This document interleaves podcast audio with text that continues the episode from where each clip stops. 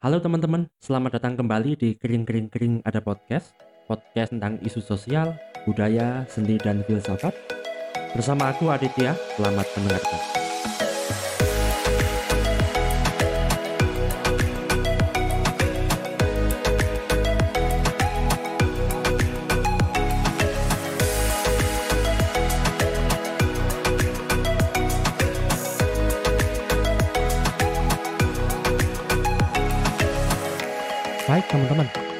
masih dalam seri relasi agama dan kebudayaan dan kali ini kita sampai pada sesi yang kedua yakni pengertian dan wujud kebudayaan beserta tahap-tahap kebudayaan.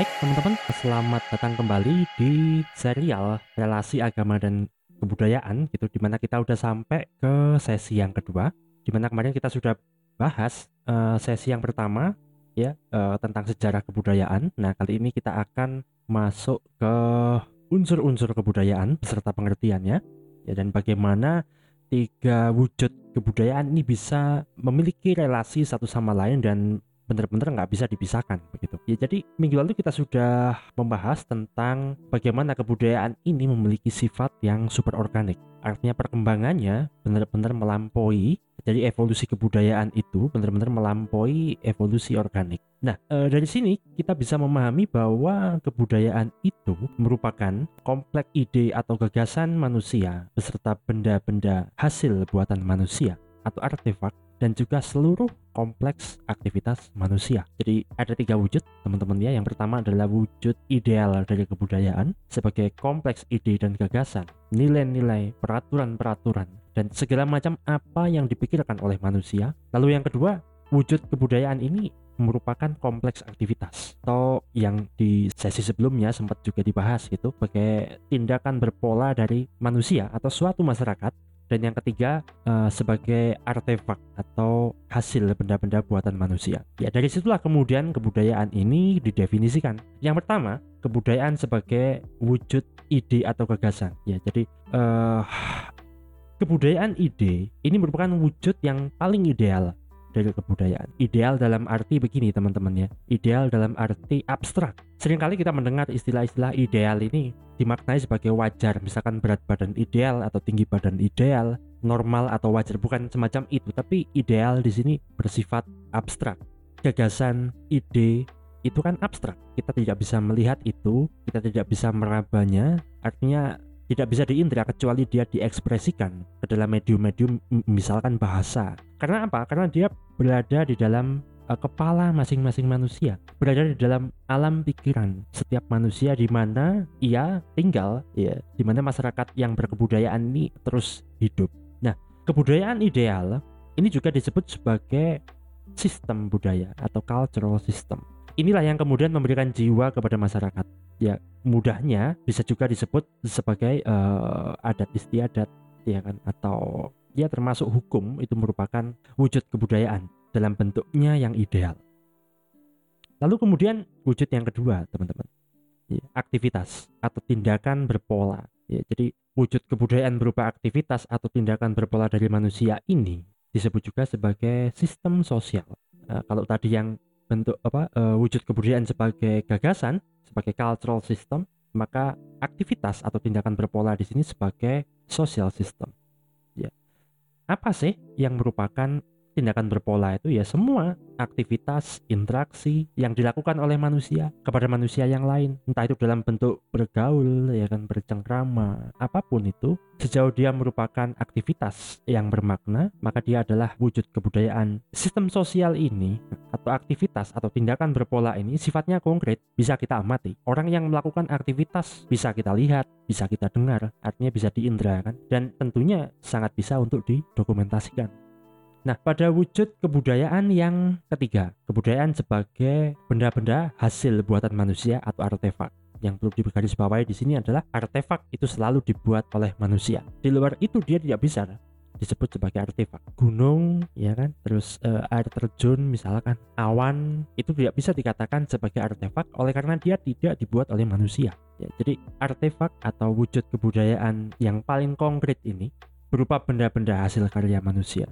Seluruh hasil fisik dari aktivitas dan perbuatan manusia dalam masyarakat, apa pun itu, ya mulai dari misalkan ya segala benda yang ada di sekitar kita smartphone, laptop, lampu, sepeda, mobil, rumah itu semua artefak jauh dia dibuat oleh manusia Nah, kalau tadi kebudayaan dalam wujud yang ideal disebut cultural system atau sistem budaya, kemudian kebudayaan sebagai kompleks aktivitas disebut sistem sosial, maka artefak di sini disebut sebagai kebudayaan fisik karena sangat bisa diindra dan bisa didokumentasikan. Jadi ketiga wujud kebudayaan ini, ide, aktivitas, dan juga artefak, ini merupakan satu kesatuan jadi aktivitas itu menghasilkan artefak dan tidak akan ada aktivitas tanpa didahului gagasan-gagasan yang sifatnya kognitif. Jadi ketiga-tiganya tidak bisa dilepaskan. Kehadiran suatu artefak akan didahului oleh aktivitas dulu teman-teman aktivitas menciptakan dan aktivitas menciptakan ini selalu didahului oleh suatu gagasan katakanlah misalkan smartphone sebagai artefak dan ini melatar belakangi banyak sekali aktivitas di balik itu yang tidak hanya aktivitas riset dan pengembangan dalam menciptakan sebuah artefak bernama smartphone ini saja, tapi juga sosial media, kegiatan berinteraksi antara sesama manusia yang dimediasi oleh teknologi dan banyak sekali aktivitas yang lain yang yang kemudian mendorong lahirnya atau terciptanya sebuah artefak bernama smartphone. Dan tentunya aktivitas tersebut juga dilatar belakangi oleh banyak sekali gagasan-gagasan. Gagasan tentang cara berkomunikasi manusia, misalkan. Gagasan tentang kemajuan teknologi. Jadi ide, aktivitas, dan artefak ini sangat berhubungan. Ya, berrelasi satu sama lain dan tidak bisa dipisahkan. Eh, contoh konkretnya begini, katakanlah sebuah sekolah gitu ya, misalkan sekolah SD gitu ya. Tentu saja sekolah sebagai institusi merupakan salah satu unsur dalam kebudayaan Indonesia. Semua orang Indonesia ini pada akhirnya akan bersekolah entah apa pun wujudnya tapi sekolah ini merupakan sebuah gagasan konsep bagaimana manusia belajar bukan begitu ya ini bisa kita katakan sebagai suatu kebudayaan ideal yang terdiri dari misalkan cita-cita, norma-norma baik untuk para siswa atau untuk para guru, untuk wali murid, untuk para staf.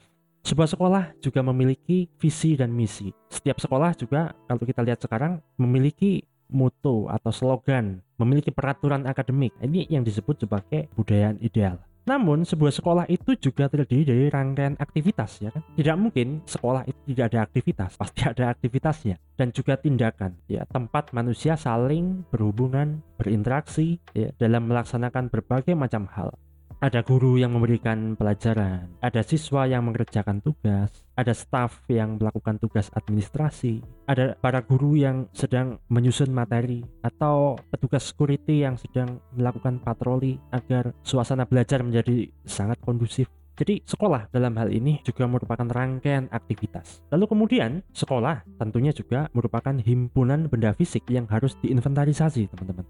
Ia merupakan kompleks gedung-gedung, iya kan? Ada kelas ruang-ruang kelas ya kan ada tempat parkir ada lapangan tempat berolahraga, ada pagar, ada pintu gerbang, ada bangunan kecil tempat security, ada lab, ada komputer dan lain sebagainya. Maka sekolah dalam hal ini di samping dia dipahami sebagai sebuah gagasan atau kompleks ide, di samping dia juga dimaknai sebagai tindakan berpola, kompleks aktivitas, dia juga dipahami sebagai himpunan benda fisik atau artefak. Nah, kompleks ide, kompleks aktivitas, dan artefak itu tadi yang saling berinteraksi yang kita lihat sebagai satu kesatuan begitu. Pada akhirnya juga melahirkan banyak sekali unsur-unsur. Seperti apa? Misalkan kita mengenal ada tujuh unsur kebudayaan. Yang pertama adalah bahasa dan juga cara berkomunikasi meskipun komunikasi itu tidak mensyaratkan adanya bahasa, bahasa formal ya kan, tapi kemudian kebutuhan komunikasi mendorong lahirnya juga bahasa. Akhirnya menjadi unsur yang utama tentunya dari kebudayaan ya. Karena kebudayaan itu lahir ketika satu individu dan individu yang lain ini berinteraksi. Di situlah kemudian lahir kebudayaan. Lalu yang kedua, unsur dari kebudayaan adalah ilmu pengetahuan. Lalu kemudian pada akhirnya ilmu pengetahuan ini yang melahirkan juga teknologi, melahirkan juga sistem ekonomi, organisasi sosial, agama, dan kesenian. Ya demikianlah sebuah kebudayaan itu uh, akhirnya dipahami sebagai kompleks ide, aktivitas dan seluruh benda-benda buatan manusia ya. Nah, teman-teman, kebudayaan ini juga tentu tidak kemudian tahu-tahu menjadi seperti sekarang ini begitu ya. Tapi kebudayaan ini juga berkembang. Di sesi sebelumnya, sesi satu tentang sejarah kebudayaan begitu. Kita juga melihat bagaimana kebudayaan ini tumbuh dan berkembang secara kronologis. Gitu. Tapi kemudian kita akan melihat bagaimana uh, kebudayaan itu juga memiliki tahap perkembangan ya secara garis besar atau secara umum. Jadi kalau kita membaca bukunya si Evan Person yang menjelaskan tentang strategi kebudayaan, maka kebudayaan ini memiliki tiga tahap perkembangan. Ya, jadi ada tahap mitis, tahap ontologis, dan tahap fungsional. Jadi di masa yang lampau ketika manusia gitu ya, ini ini pada zaman tribal, pada zaman uh, prasejarah begitu ya, katakan demikian, sebelum manusia mengenal tulisan, maka segala macam hal yang sifatnya itu pengetahuan itu kemudian dicirikan oleh mitos-mitos. Karena belum ada tradisi literasi ya, ya menulis, membaca sehingga pengetahuan manusia tentang dunia ini kemudian didokumentasikan dalam tanda kutip dalam bentuk sebuah ingatan diabadikan menjadi mitos-mitos. Maka dalam tahap ini kebudayaan yang masih muda itu berada dalam sebuah tahap yang dinamakan tahap mitis. Ya, jadi tahap mitis adalah tahap ketika manusia itu merasakan dirinya terkepung oleh kekuatan-kekuatan gaib di sekitarnya. Gaib itu kan tak kasat mata, karena ilmu pengetahuan pada saat itu memang belum bisa menjelaskan. Pengetahuan manusia belum bisa menjelaskan uh, mengapa misalkan gunung itu bisa mengeluarkan lahar, melahirkan gempa yang maha dahsyat, bagaimana laut itu kemudian memiliki ombak yang sangat bergejolak yang mampu menenggelamkan kapal sebesar apa pun, mengapa matahari itu terbit di sebelah timur dan tenggelam di sebelah barat. Mengapa turun hujan? Pengetahuan manusia pada saat itu memang belum sampai, belum sempurna untuk menjelaskan fenomena alam tersebut. Sehingga dilihat menjadi sesuatu yang gaib.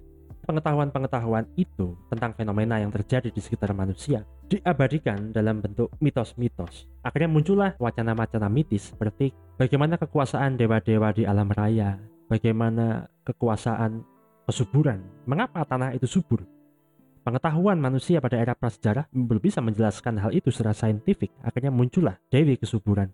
Hal ini se sebagaimana yang dipentaskan dalam dalam kebudayaan primitif atau suku-suku yang menganut tribalisme. Hal semacam ini bukan bukan sesuatu yang salah atau keliru gitu, tapi ini adalah bagaimana cara manusia uh, memahami alam semesta, memahami dunia di sekitarnya. Dan hal ini menjadi wajar ketika memang pengetahuan manusia pada saat itu ya sangat masih sangat terbatas dan masih belum bisa menjelaskan fenomena-fenomena alam secara saintifik. Sehingga dia tidak mengetahui apa sih yang sebenarnya terjadi di sini ketika misalkan gunung api itu meletus terjadi hujan ya kan? Akhirnya muncullah narasi narasi-narasi mitis tentang kekuasaan dewa-dewa di alam raya. Jadi ketika digambarkan begitu manusia ini apa uh, semacam terkungkung ya di dalam uh, kekuatan-kekuatan alam yang sifatnya ya dikatakan masih gaib Nah, pada tahap berikutnya, tahap ontologi, ya ini sebuah tahap ketika manusia nggak lagi hidup dalam kepungan kekuasaan mitis itu. Seseorang ini bisa menjaga jarak, ya kan menjaga jarak, lalu kemudian mengamati semua fenomena-fenomena yang terjadi, lalu dia mulai menyusun suatu ajaran atau teori mengenai dasar segala sesuatu di alam semesta ini, atau yang disebut sebagai ontologi. Makanya tahapnya dinamakan tahap ontologis. Nah, tahap ini berkembang pada daerah-daerah pada kebudayaan kuno yang dipengaruhi oleh filsafat dan ilmu pengetahuan. Semisal Mesir, Babilonia, ya peradaban-peradaban besar yang kita kenal dalam uh, pelajaran sejarah.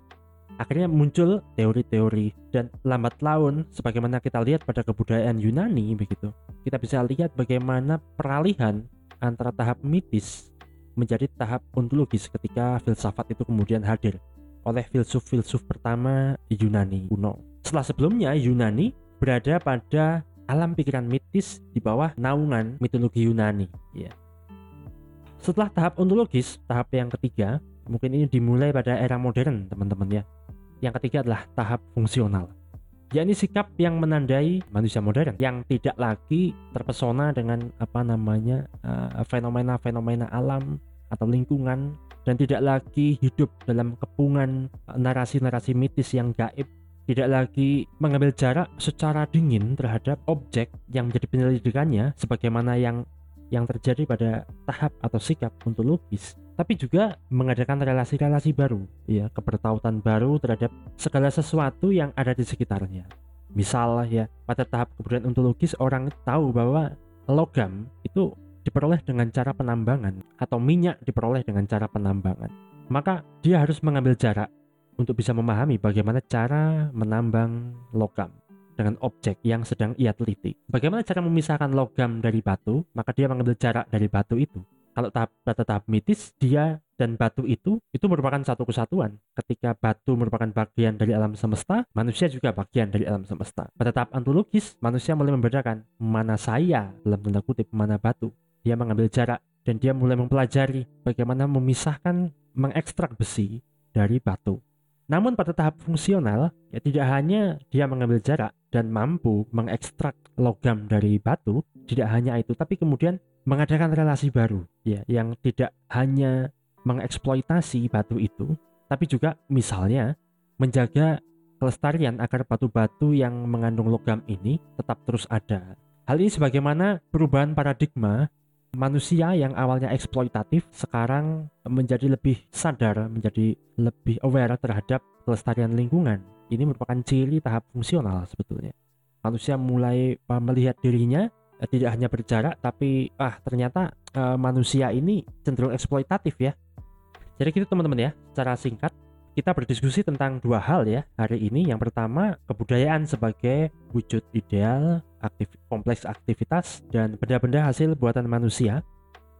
Ya, ada tiga. Lalu kemudian kebudayaan juga berkembang seturut tiga tahap perkembangan kebudayaan sama tiganya gitu ya. Yang pertama tahap mitis, yang kedua tahap ontologis, dan yang ketiga tahap fungsional. Gitu. Baik teman-teman, mungkin itu ya yang bisa kita bahas dalam sesi ini. Selanjutnya di sesi ketiga kita akan mulai masuk ke agama. Terima kasih teman-teman, sampai jumpa di sesi berikutnya.